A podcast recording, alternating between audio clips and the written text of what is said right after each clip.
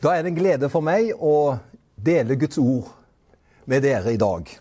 Jeg håper du har hatt en fin helg så langt, og at vi kan ha en fin søndag og et fint fellesskap sammen her i dag.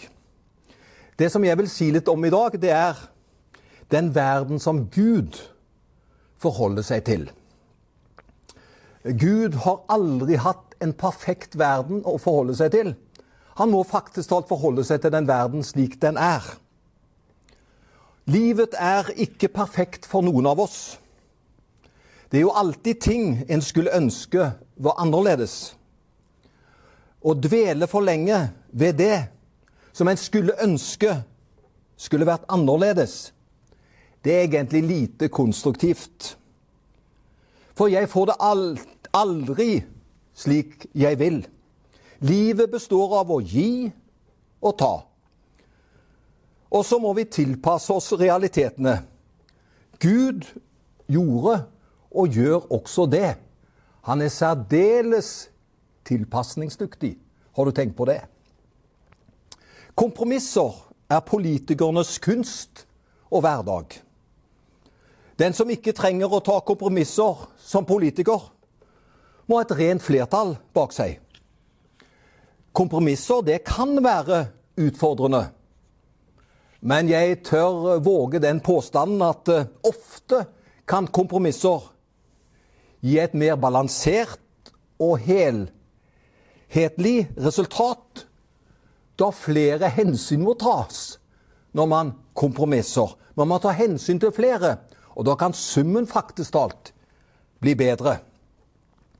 Tidligere president i USA, Obama, sa ved en anledning og jeg siterer Jeg må tross alt forholde meg til verden som den er. Noen makter ikke å forholde seg til andre, eller for den sakens skyld til verden slik den er. Da skjønner vi at det blir en vanskelig hverdag for vedkommende hvis vi ikke kan forholde oss til andre eller den verden slik den er. Er det ikke et sunnhetstegn, da? At vi tenker mer på vi enn jeg? At vi tenker mer på de andre fremfor bare meg selv? Gud har skapt himmel og jord. De første menneskene levde en kort stund i Edens hage, der alt var harmoni og glede. Det måtte være lett for Gud da å forholde seg til de første menneskene da alt var fryd og gammen. Det var som en slags forsmak på himmelen, der Adam og Eva vandret i Edens hage i fellesskap med Gud. De hadde hverandre, og de hadde et enestående fellesskap. Men så vet vi at menneskene de snudde Gud ryggen, om det så bare var for et øyeblikk. Og så kommer verden, synden inn i verden. Og Gud måtte forholde seg til Adam og Eva slik de nå var blitt. Det fikk konsekvenser. Relasjonen til Gud ble annerledes. De kunne ikke lenger omgås Gud på samme måte. Den nære relasjonen var dessverre brutt. Men Gud gav dem heldigvis ikke opp. Gud kunne ha slått ned på dem og forvist dem til en grusom hverdag. Men han gjorde ikke det. Selvfølgelig fikk synden konsekvenser. Men Gud kom igjen og igjen til menneskene med hjelp og oppmuntringer. Han forholdt seg faktisk holdt til verden slik den var blitt. Og så kom han tidlig med et herlig løfte.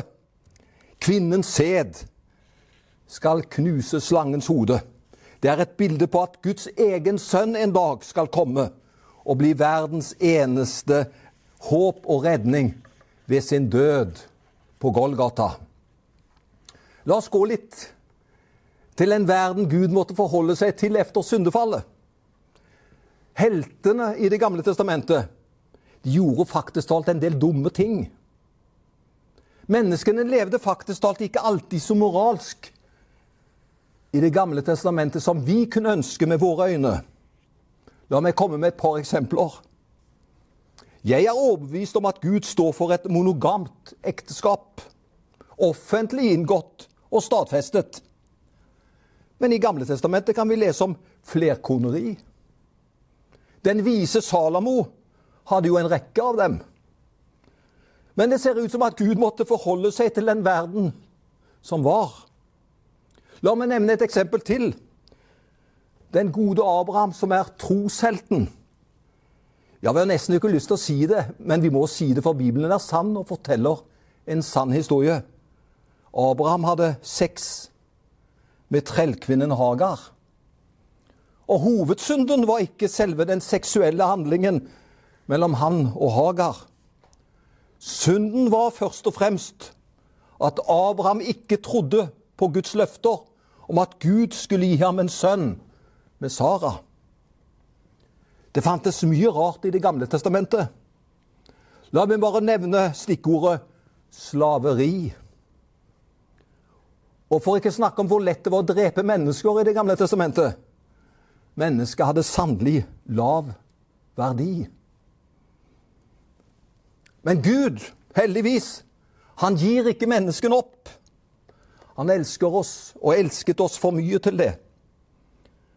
Gud kunne selvsagt ha snudd ryggen til datidens verden og gitt den opp. Men hans kjærlighet er større enn alt annet. Derfor gav Gud menneskene igjen og igjen mulighet til fellesskap med seg. De kunne ofre og gjøre opp sin synd, og dermed ha fellesskap med Gud.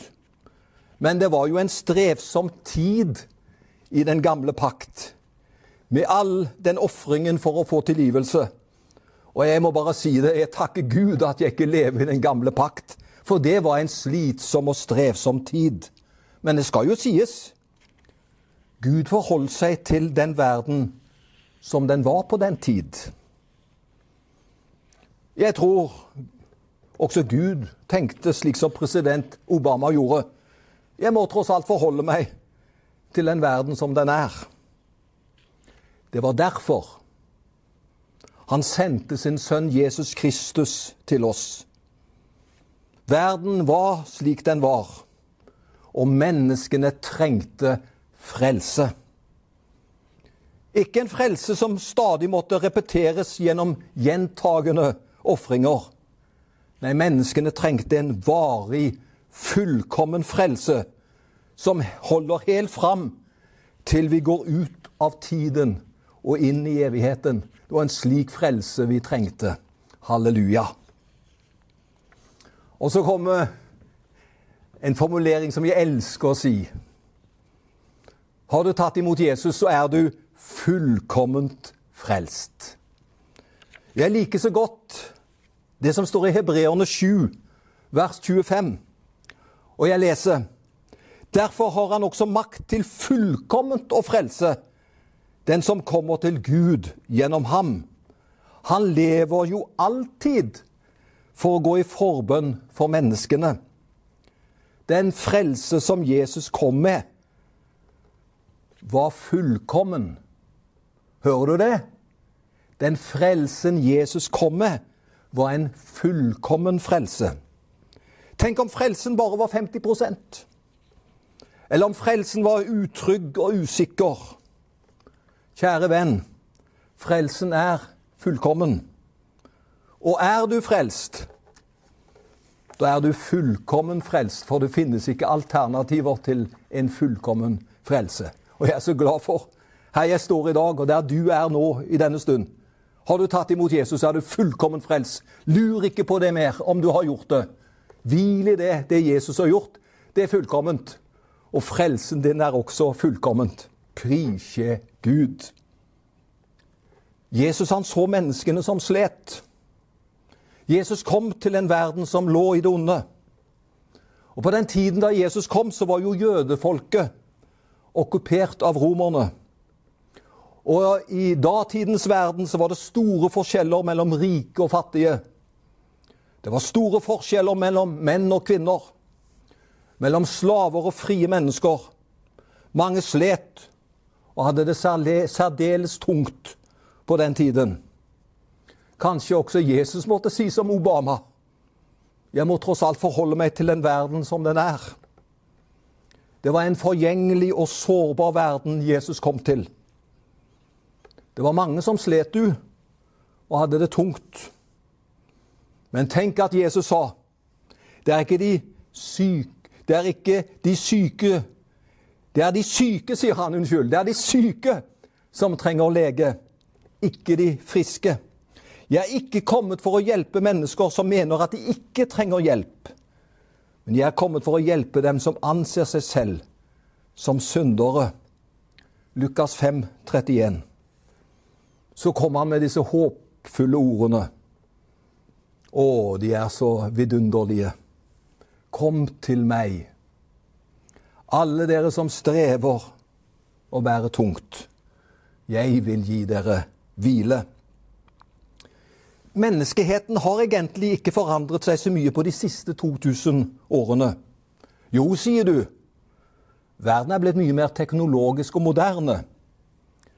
Ja, det har skjedd enorme teknologiske framsteg.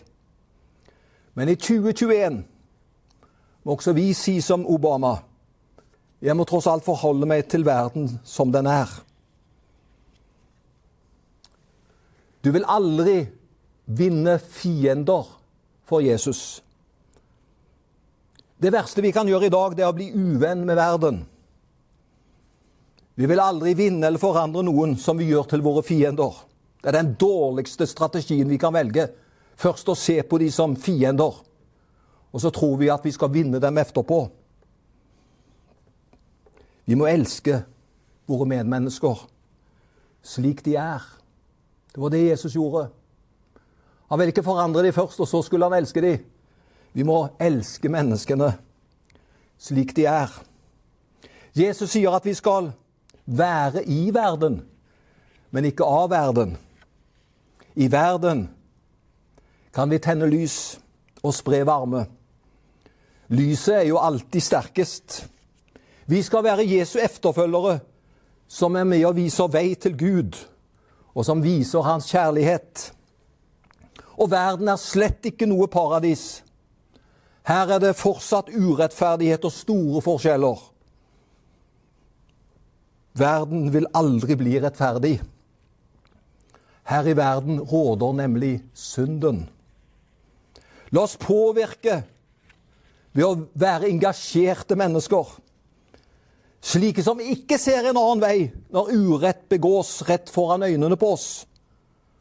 La oss stille opp for de rundt oss som opplever urett i sitt liv.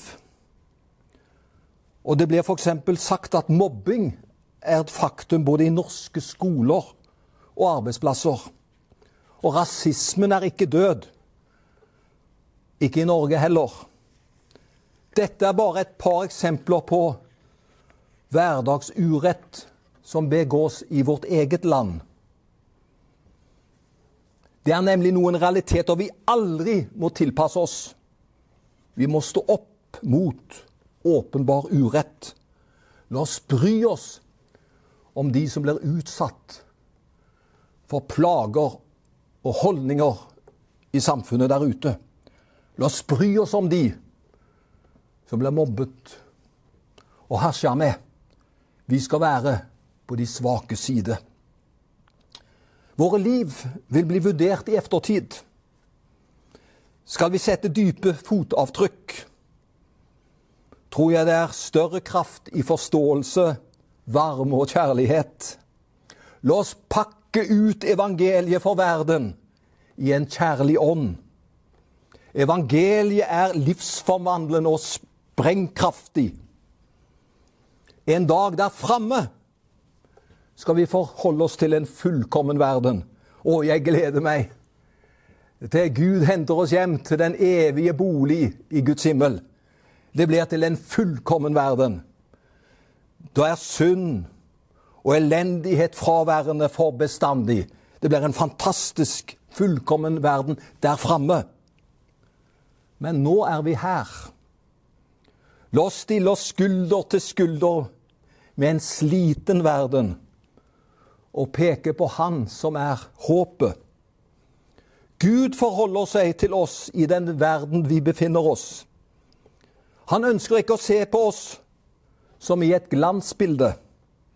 Han forholder oss til oss i vår verden, med alt hva den innebærer av gleder og sorg. Noe er uforanderlig siden Jesus kom til vår jord, for det er noe som er absolutt og fast. Nemlig det at han ønsker å frelse alle mennesker. Han er nemlig verdens eneste håp. Og det er han som må løfte om og gi oss et bedre liv. Gud velsigne oss alle sammen i Jesu navn. Amen.